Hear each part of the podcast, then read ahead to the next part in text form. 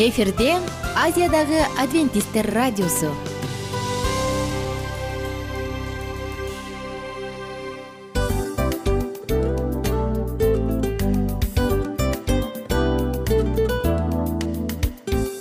Достор салют. Баардык сүйүктүү угармандарыбызга салам айтабыз. Кутман күнүңүздөр менен ден соолук өмүрдүн булагы демекчи саламат саамы программасында баарыңыздарды көргөнүбүзгө абдан кубанычтабыз. Анда алгач амандашып өтөлү арбаңыздар деп. Ден соолугуңуздар кандай? Э, элибизде көбүнчө ден соолук кандай дегенде эле жакшы деп жооп беребиз э? ооруп турсак дагы жакшы дейбиз. Анан мен муну айтып ойлойт элем бул абдан сонун сөз депчи анткени бул жакшы деген үмүт да э ооба баары жакшы болот. Баары сонун. Деп үмүттөнүп атып эле өзүбүздү өзүбүз дарылап коебуз. Анысы кандай? Сиздин дагы ден соолугуңуз жакшы беш деген үмүттөбүз чындыгында ден соолук бул өмүрдүн булагы деп бекеринен айтылган эмес деп ойлойм. Кыргыз элинде анткени эгерде ден соолук жок болсо анда адамдын жашоосунда калган баардык керектүү маңыздуу нерселер өзүнүн баалуулугун жоготуп коет. Ошондуктан ден соолук бул эң керектүү нерсе. Ооба туура айтасың кесиптешим чынында ден соолугуң жок бир эки үч күн ооруп калсаң эле э кандай болуп калат? Жашоодо көз каранды болуп каласың көп нерсеге жетишпей каласың көп нерсени кыла албай каласың. Жада калса эшикке дүкөнгө да чыга албай каласың. Туп туура анан ден соолук болсо демек биз биздин бактыбыз тотойт деп койсок болот. Анда достор саламат саамы рубрикабызды баштайлы алдыда өзүңүзгө керектүү болгон сонун кеңештерди уга аласыздар. Мына ошондуктан биз менен бирге болуңуздар. Ал эми биз болсо милан жана айнура. Кеттик алга. Алга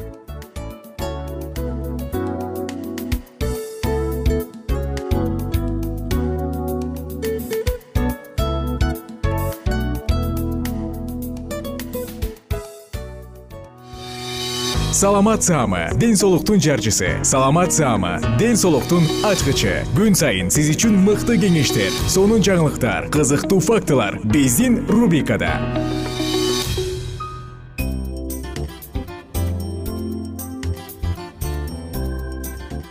Салам достор. Баардык угармандарыбызга ысык салам айтабыз дагы. Сиздер менен бирге саатыбызды баштадык.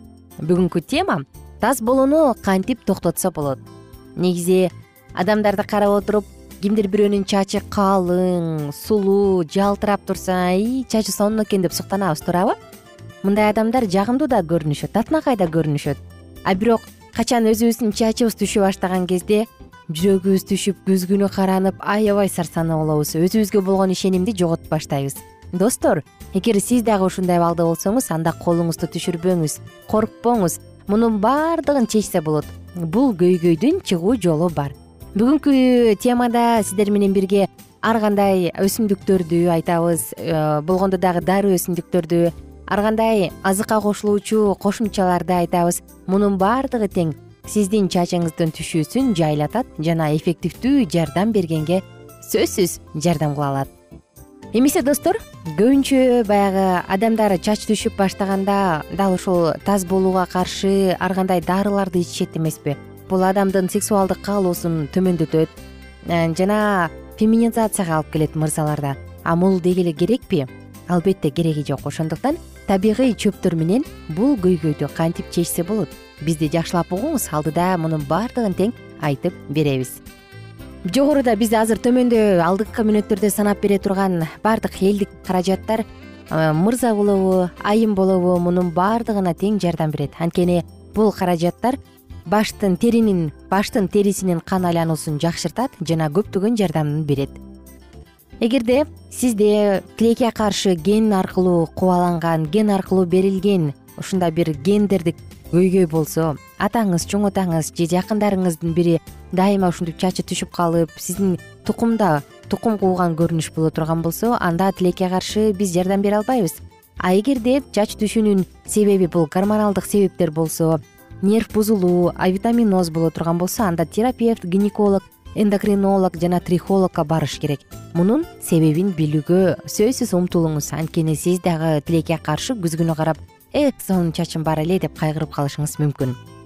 Кыскасы достор бүгүн сиздер менен бирге бир нече кеңештерди айтабыз. Анын да алдында да айта кетсем эгерде аял затынын чачы түшө баштаган болсо анда түшүп баштаган облусту жаап коюш үчүн чач жасалгасын өзгөртүшөт а эгерде мырзалардын чачы түшө баштаса анда кыска кылып кыркып коюңуздар. Бул биздин кеңеш. Ал эми жалпы эле чач түшүүнү кантип алдын алса болот алдыңкы мүнөттөрдө айтып берем. Эң эле алгач чач түшүп жатат менин чачым аябай түшүп атат деген чекти келиңиздер. Кантип чач түшөт? Деги эле интенсивдүү чач түшүүнү кантип байкаса болот? Мына ушуну айтып берелик. Эгер сиз чачыңызды тараган сайын таракта бир нече чачтын уюму түшүп кала турган болсо жабышып калып атса жууп жатканыңызда суу менен кошо бир нече чачыңыз тим эле ондоп жүздөп агып жатса ошондой эле чачыңыз эртең менен турганда жаздыкта жатып калып атса түшүп калып атса жаздыкка жатып анда тилекке каршы бул сиз жөнүндө. Демек сиздин чачыңыз түшүп атат. Демек сиз таз болуу жолундасыз. Деги эле таз болуунун жалпы баардык симптомунан сырткары ар бир аялдарга дагы эркектерге дагы өзүнө мүнөздүү чач түшүүлөр бар. Мисалы мырзаларда көбүнчө бул артында кежигесинде түшө башташы мүмкүн жана маңдайында баягы чекесинде деп коет эмеспизби дал ушул маңдайында чач түшө баштайт. Ал эми аял затынын чач түшүүсү башкачараак болот. Алар чачты кайсы жерден бурса ошол жердеги чачтар сейрээк боло баштайт дагы түшө баштайт. Алар чач экиге бөлүнүп ушундай бир ооруп ичкерип жукарып анан өзүнүн жалтырагын жогото баштайт. Демек аял бул аял чач түшүүнүн жолунда. Достор жогоруда айтып өткөндөй себептер дагы чач түшүүнүн бирден бир себеби андан сырткары тамеки чегүү дагы таз болууга алып келе турган эң чоң себеп дерматологдор дал ушундай жыйынтыкка келишкен. Анткени тамеки чеккендеги чылым фолликулдардын кан айлануусун кан менен камсыздоосун бузат а мунун негизинде чач дем албай калат дагы чач түшө баштайт. Бул жөнүндө мурун билдиңиз беле уктуңуз беле. Мен билген эмесмин. Эми жалпыбыз үчүн бул ойлончу тема. Эгерде чач тамеки чегүүдөн дагы түшө турган болсо сизде мындай сизде мындай жаман адат жокпу. Эми болсо кезекти кийинки дары чөптөргө берели эмнени колдонсо болот биздин списогубуздун эң эле алгач башында серенова пальмасы бар. Серенова пальмасы бул пальманын бир түрү. Ал дегидротестерондго эркектин гормонуна каршы эң сонун нерселердин баарын иштелип чыгарат дагы анан мырзаларда чачтын түшүүсүн токтотот. Ал үчүн ичти көздөй ичиш керек болгон экстракттан жүз алтымыш миллиграмм күнүнө эки жолу. Кийинки дагы сонун каражат бул африка кара өрүгү деп аталат. Дал ушул кара африка кара өрүгүнүн сырткы кабыгы абдан жардам берет. Экстрактты жүз эки жүз миллиграмм күнүнө ичип туруш керек болот. Бул дагы эркектерге жана айымдарга дал ушул көйгөйдү алдын алууга жардам берет. Жана достор кадимки эле чалкан ой кыргызстан чалканга абдан бай өлкө. Негизи чалкан өспөгөн жер болбойт болуш керек деп ойлойм бирок ким билет бизди башка жактан угуп аткан угармандарыбыз бар болсо анда жок бизде өспөйт дейт болуш керек. Бирок кыргызстанда чалкан өтө кенен дал ушул чалкандын жалбырагын Э, тамырын дагы маска тундурма кылып кайнатып алып колдонсоңуз болот. Эгер чалкан колдоно турган болсоңуз чачыңыз жалтырайт. Өзүнүн баягы май э, бездерин май калканын бөлүп чыгаруучу бездери жакшы иштейт жана кычышпай дагы калат. Мүмкүнчүлүгүңүз болсо интернеттен карап көрүңүз кандай ыкмаларды колдонсо болот. Ал эми биз сизге бир экөөсүн айтып берелик анткени убактыбыз өтө тар. Болгону гана төрт кашык чалканды бир литр ток менен үстүнө куюп туруп коюп коюңуз. Анан муну кадимки эле чачыңызды жуугандан кийин чайкаганга суу катары колдонсоңуз болот. Андан сырткары спирт жана башка ыкмалар менен дагы колдонуп өтүңүз муну интернеттен карап алыңыз. Жана достор кадимки эле кырк муун чөбү бар эмеспи? Мына ушул дагы чачты бекемдейт жана эң сонун. Андан сырткары эмне тамак жеп жатасыз? Ага да көңүл буруңуз. Жеген тамагыңыз б үч витаминине бай болсун биотинге бай болсун витамин б беш витаминине бай болсун. Колуңуздан келишинче пивные дрожжи болобу боп өсүмдүктөрү жаңгак семечке жана ашкабактын семечкалары мунун баардыгын тең жегенге аракет кылыңыз. Тилекке каршы убактыбыз соңуна чыгып калды. Сиздер менен кайрадан амандашканча сак саламатта калыңыздар. Жалпыңыздарга кааларыбыз. Саламаттуу чач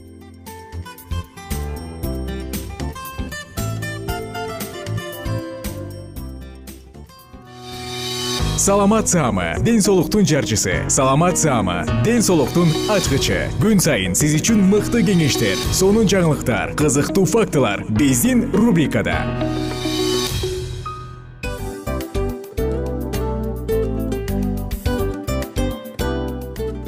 Салам достор. Кайрадан биздин сүйүктүү рубрикабызга кош келиңиздер деп айтмакчыбыз баардык замандаштарыбызга арбаңыздар деп саламыбызды айтабыз. Улуу ушундай бир урматтаган учурашуу менен анан дил маек радио баракчабызга чакырабыз. Негизи дил маек биздин рубрикабызда эмне жөнүндө кеп кылабыз бул дил маектин мааниси эмнеде рубрикабыз менен кичине тааныштырып кетсеңиз. Сөзсүз түрдө тааныштыра кетейин кесиптешим суранычы боюнча бул учурда бул радио баракчада биз ар тарап кесип ээлеринен сонун кеңештерди алабыз сүйлөшөбүз сырдашабыз аталарыбыздын эжелерибиздин апаларыбыздын кеңештерин угабыз. Айтор жан дүйнөгө адамдын э, сапатына адамдын деги эле адам болуп жашашына керектүү баардык кеңештер алдыда негизи э, дил маек дегенде баягы эки адамдын ортосундагы сырдашуу кенен сүйлөшүү. Негизи эле биз адамдар бири бирибиз менен бир жерге жай жерге отуруп алып өзүнчө тынч жашоо жөнүндө өмүрүбүздө эмне болуп атканын бөлүшкөнү жакшы көрөбүз э адамдар. Ооба туура айтасың анан мындай учурга кээде убакыт да жетпей келет э. Же болбосо сырыңды кайгыңды муңуңду кубанычыңды айткың келет адамга ишенбешиң мүмкүн. Ооба. А бул радио баракча угармандарыбыздын чыныгы досу. Анткени бизден алган кеңеш сиздин жашооңузга чоң жардам берет. Ал эми сиздин бизге айта турган сөзүңүз ортодо гана сыр бойдон калат. Ошондуктан биздин дил маек рубрикабызга дагы бир жолу кош келиңиздер. Жана биз даярдаган маалыматтарга даяр болуңуздар. Айнура жана милан сиздер менен бирге алдыга кеттик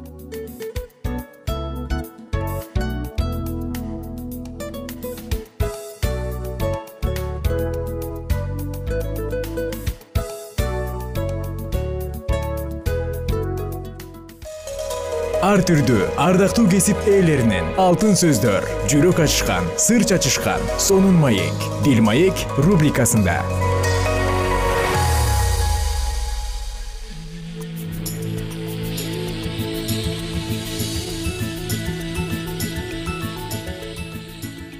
кутмандуу күнүңүздөр менен кымбаттуу радио угармандарыбыз кайрадан эле сиздердин назарыңыздарда кыргызстанга саякат аттуу берүүбүздө кездешип жатканыбызга абдан кубанычтабыз. Бүгүнкү программабыздын чыгарылышында биз кайсыл жака саякатка барам деп турган болсоңуздар анда э, айтулуу ош жергесинде орун алган сулайман тоо тарапка сапар тартмакчыбыз. Андыктан биздин толкундан алыстабай биз менен биргеликте болуңуз. Сулайман тоо кыргызстандын ош шаарындагы тоо эки миң тогузунчу жылдын июнь айында дүйнөлүк мурастарына киргизилген биринчи мамлекеттик эстелик болуп саналат. Сулайман тоосу ош шаарынын так ортосунда ак буура дарыясынын сол жээгинен орун алган. Узундугу боюнча үч километр туурасы бир жарымдан эки километрди түзөт.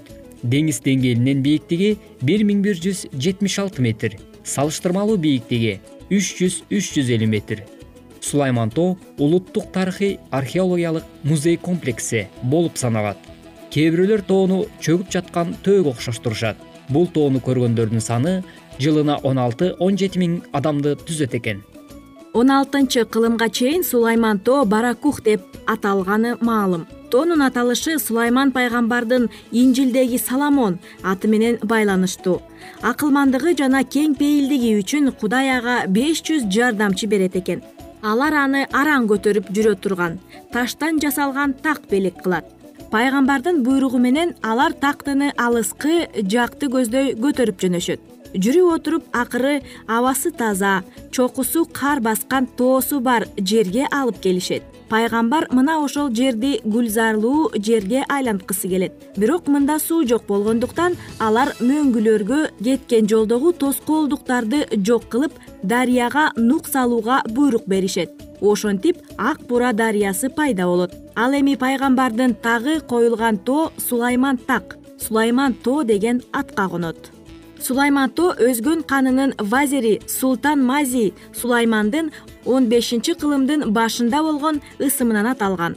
Вазир сулайман тоону жайкы резиденциясына айландырган.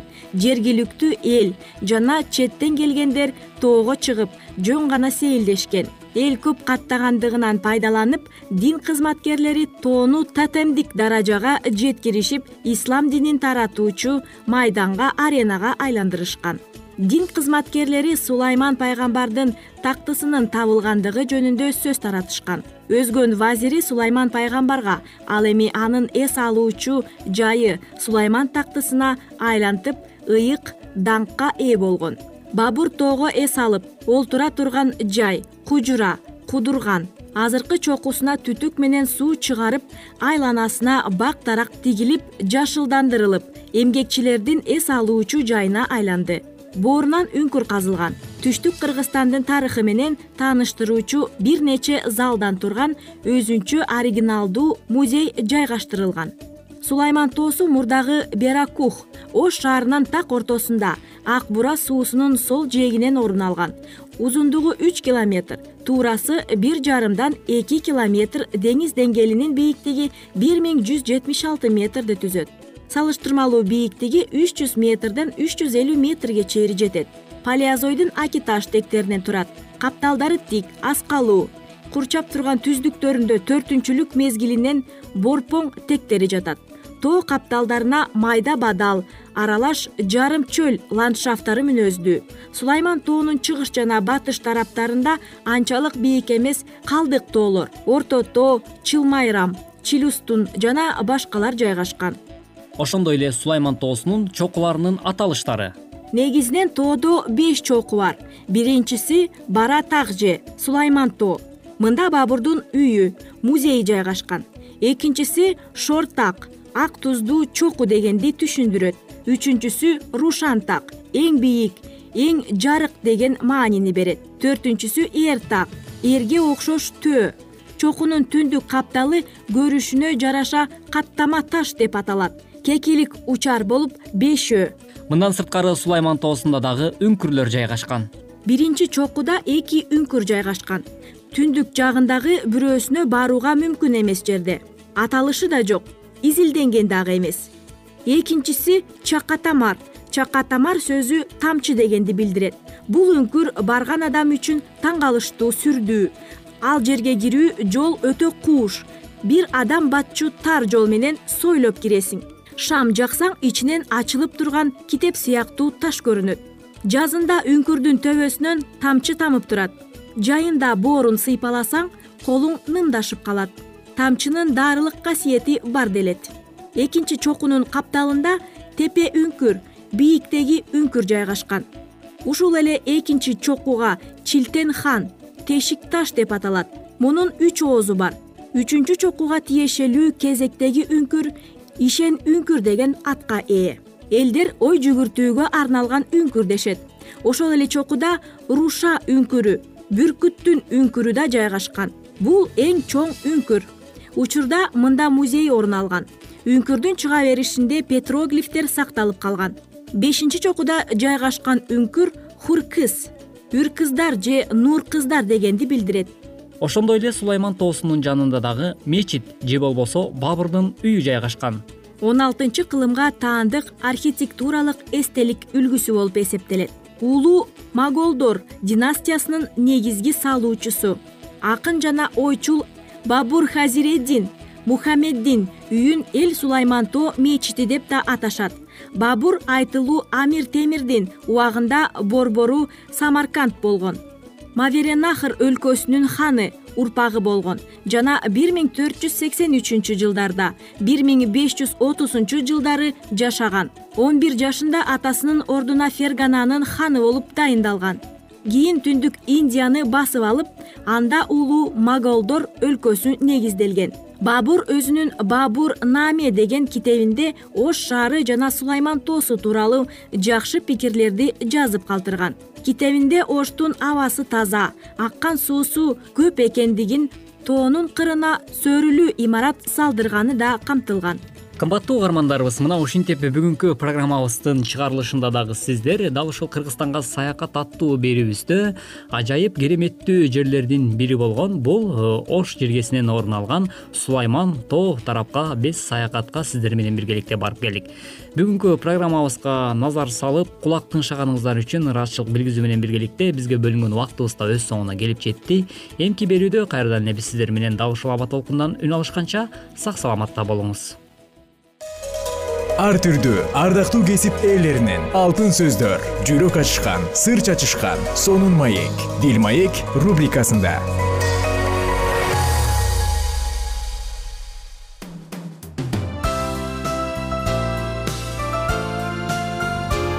Эфирде азиядагы адвентисттер радиосу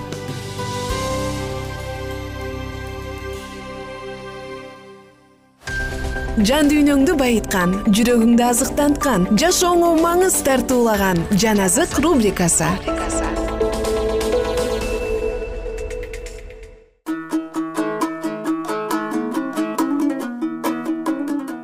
Саламатсыздарбы достор. Жалпы угармандарыбызга ысык салам айтабыз. Жана сиздер менен кайрадан улуу күрөш китебин андан ары окууну улантабыз. Биз менен бирге болуңуздар. Жана жыштыктан көргөнүбүзгө абдан кубанычтабыз. Жөнөдүк достор силердин денеңер өзүңөрдүн ичиңерде жашаган ыйык рухтун үйү экендигин билбейсиңерби анткени силер өтө кымбатка сатылып алынгансыңар. Ошондуктан кудайдыкы болгон денеңер менен дагы жана жаныңар менен да кудайды даңктагыла. Биринчи корунтуктар алтынчы бап он тогузунчу жыйырманчы аяттар. Кимдин денеси ыйык рухтун ибадатканасы боло турган болсо өлүмгө алып баруучу адаттегерге тебеленди болбойт.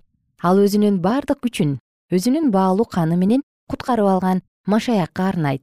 Анда эмне боло турган болсо анын бардыгы теңирге таандык.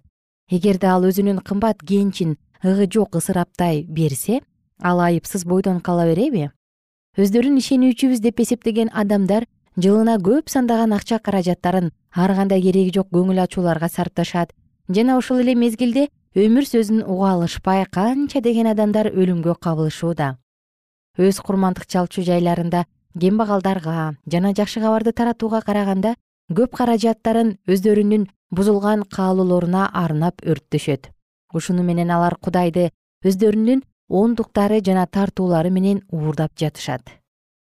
Эгерде өздөрүн машаяктын жолдоручуларыбыз деп эсептеген адамдардын бардыгы чыныгы касиетке ээ болушканда алар өз каражаттарын обу жок нерселерге сарптабастан теңирдин казынасына беришмек.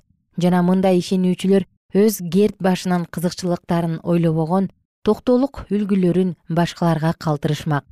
Ошондо алар дүйнөгө жарык боло алышат эле. Түгөл дүйнө көңүл ачуулардын жана кумарлардын артынан кууп барууга кайрылышкан. Дене кумары көз кумары жана турмуш тиричиликтеги текебердик. Мына ушул күчтөр көпчүлүк адамдардын аң сезимдерин билеп алган. Бирок машаяктын жолун жолдогон адамдар үчүн мындай чакырыктар айтылган. Алардын арасынан чыккыла жана алыстагыла дейт теңир жана таза эмес нерселерге жолобогула кудай сөзүнүн негизинде адам өз күнөөлүү адаттарынан жана дүйнөлүк кумарларынан баш тартмайынча чыныгы касиеттүүлүк болбойт деп айтууга биздин толук укугубуз бар. Ушул сунуш кылынган шарттар менен ким келише турган болсо алардын арасынан бөлүнүп чыккыла. Жана таза эмес нерселерге тийбегиле жана аларга кудайдын мындай деген убадасы берилген. Ошондо мен силерди кабыл алам жана силерге ата болом жана силер менин уулдарым жана кыздарым болосуңар дейт кудуреттүү теңир. Экинчи корунттуктар алтынчы бап он жетинчи он сегизинчи аяттар. Ар бир ишенүүчүнүн руханий жашоону толуктуруу тутуу артыкчылыгы жана милдети бар мен дүйнөгө жарыкмын дейт ыйса ким менин артыман ээрчий турган болсо ал эми караңгылыкта жүрбөйт бирок өмүрдүн жарыгына ээ болот жакан сегиз он эки. Адилеттүүлөрдүн жолу нур чачкан күн сыяктуу ал толук жарык болмоюнча жаркырагандан жаркырайт. Ишенимдин жана баш ийүүчүлүктүн ар бир кадамы адамды караңгылык болбогондун өзүнө өмүрдүн жарыгына жетелейт адилеттиктин күнүнүн нурлары кудай кулдарын ыйыктайт жана алар дагы анын нурларын чачыратып турушу керек. Асмандагы жылдыздар асманда улуу жарык бар экендигин далилдеп жаркырап турган сыяктанып ошондой эле ишенген адамдар дагы түгөл ааламда даңкка жана чагылдырылып турууга татыктуу болгон кудай бар экендигин көргөзүп турушу керек. Анын рухунун жакшы иштери анын мүнөзүнүн тазалыгы жана ыйыктыгы анын күбөлөрүнөн көрүнүп туруусу зарыл элчи пабыл өзүнүн колостуктарга жазган катында кудай уулдары үчүн убада кылынган өтө мол ак баталар жөнүндө айтып кетет. Ал мындай деп жазат. Ошондуктан ушул жөнүндө биз уккан күндөн тартып силер жөнүндө сыйынуубузду жана силер баардык акылдуулукка жана руханий түшүнүк менен анын каалоосун түшүнүүгө толуп калууңар жөнүндө сурануубузду токтотпойбуз. Силер теңирге жараша татыктуу мамиле кылып ага бардык жагынан жагып ар кандай жакшы иштерде жемиш берип кудайды таанып билүүдө өсүүңөрдү сурайбыз. Анын даңкынын кубаты менен бардык кудурети менен баардык чыдамкайлыкта ак көңүлдүктө кубанычтуулук менен чыңдалууңарды каалайбыз. Колостуктар биринчи бап тогузунчу он биринчи аяттар. Ушул сыяктуу насааттар менен ал ишенүүчүлүк жогорулукту билишсин деп эфестиктерге дагы кайрылган. Алар кудайдын уулдары жана кыздары катары кандай таң калаарлык күч жана аяндарды ала тургандыгын жөнөкөй түшүнүктүү тилде айтып берет. Алар ички адамында анын рухунда бекем кармануулары зарыл жана сүйүүдө чыңдалып жана бекемделип бардык касиеттүүлөр менен кеңдикти жана узундукту бийиктикти жана тереңдикти түшүнө алышсын жана бардык түшүнүктөн артыкча турган машаяктын сүйүүсүн баамдашсын. Бирок элчинин кудайдын бардык токтоолугуна толуктугуна толуп калышсын деп сыйынганы жогорку чекитке жеткен эгерде анын талаптарын аткара турган болсок биздин асмандагы атабыздын убадаларына ишеним менен жете турган бийиктиктер бул аяттардан көргөзүлгөн. Машаяктын жасаган иштери бизди чексиз кудуреттүүнүн тактысына жакындата алат өзүнүн уулун аябастан баарыбыз үчүн аны берип койгон кудай аны менен кошо бизге кантип баарын сыйлык кылып бербесин? деп жазылган римдиктер сегиз отуз экиде. Асмандагы ата руханий уулуна ыйык рухту ченемсиз берген жана биз дагы ушундай толуктукка ээ боло алабыз. Машаяк мындай деп айтат. Эгерде силер жаман болуп туруп өз балдарыңарга жакшыны берүүнү биле турган болсоңор андан бетер асмандагы атаңар андан сурагандарга ыйык рухун берет. Жана эгерде менин ысымымдан эмне сурай турган болсоңор аны мен аткарам. Кубанычыңар жеткилең болуш үчүн сурагыла аласыңар. Жакан он төртүнчү бап он төртүнчү аят ишенген адамдын жашоосу жупунулугу менен айырмаланганы кайгы жана төмөн баалагандык болуп эсептелбейт. Ар бир адамдын артыкчылыгы кудай аны кубаттап жана алкыштоо үчүн жашоосунда. Биздин асмандагы атабыз биздин ар дайым эле караңгыда жана абийирибиз айыптаган абалыбызда жүрө берүүбүздү каалабайт. Чыныгы момундук башыбызды шылкыйтып жана ар дайым кылган күнөөбүздү ойлонуп басып жүргөнүбүздө эмес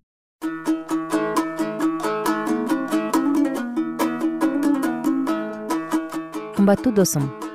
Сиздер менен улуу күрөш китебинен эң мыкты үзүндүлөрүн бирге окуп өттүк. Кайрадан жалпыңыздарды кийинки уктуруубузда күтөбүз күнүңүздөр көңүлдүү улансын. Жашооңузда ар бир күрөштө жеңүүчү болуп жүрө бериңиз. Бар болуңуздар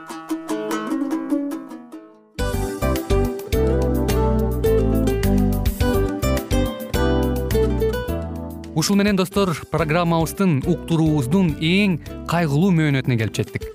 Кайгылуу дегенде ыйлагым келип кетти кесиптеш кадимкидей. Анткени баягы учурашасың анан коштошуу учур келгенде ии кантип ии эми бат баттан келиптир э сагындырбай деп атып араң коштошобуз го анысы кандай угармандарыбыз менен коштошчу учур келди. Кийинки уктурууларды сагыныч менен жүрөгүбүздө кусалык менен күтөбүз жалпыңыздарды анан жарым сааттык уктуруу көз ачышым канча өтүп кетти. Сөзсүз бирок бизде жакшы кабар бар. Кийинки уктурууларыбызда сөзсүз дагы кезигишебиз. Анткени биз көптөгөн сюрприздерди кызыктуу маалыматтарды жана керектүү керектүү нерселердин көбүнчөсүн даярдадык анда угармандарыбыздын баардыгына ийгиликтүү күн каалайбыз. Эгерде бүгүнкү күнүңүз өзгөчө э, өтүшүн кааласаңыз анда позитивдүү ой жүгүртүп жылмайып жакындарыңызга жакшы маанай тартуулап жүрө бериңиз анткени сөзсүз түрдө мунун арты кайтат э? Сөзсүз. Баягы ден соолугуңа оңолот ал бул деп көп нерсени санап келебиз. Эң негизгиси бул сиздин жашооңузду жаркын кыла түшөт экен. Жараткан кудай ар бирөөңүздөргө батасын берсин жашооңуз ийгиликтүү болсун сак саламатта калыңыздар деп мен милан жана кесиптешим айнура. Баардыгыңыздар менен кийинки уктурууда үн алышканча баарыңыздарга ийгилик каалайбыз.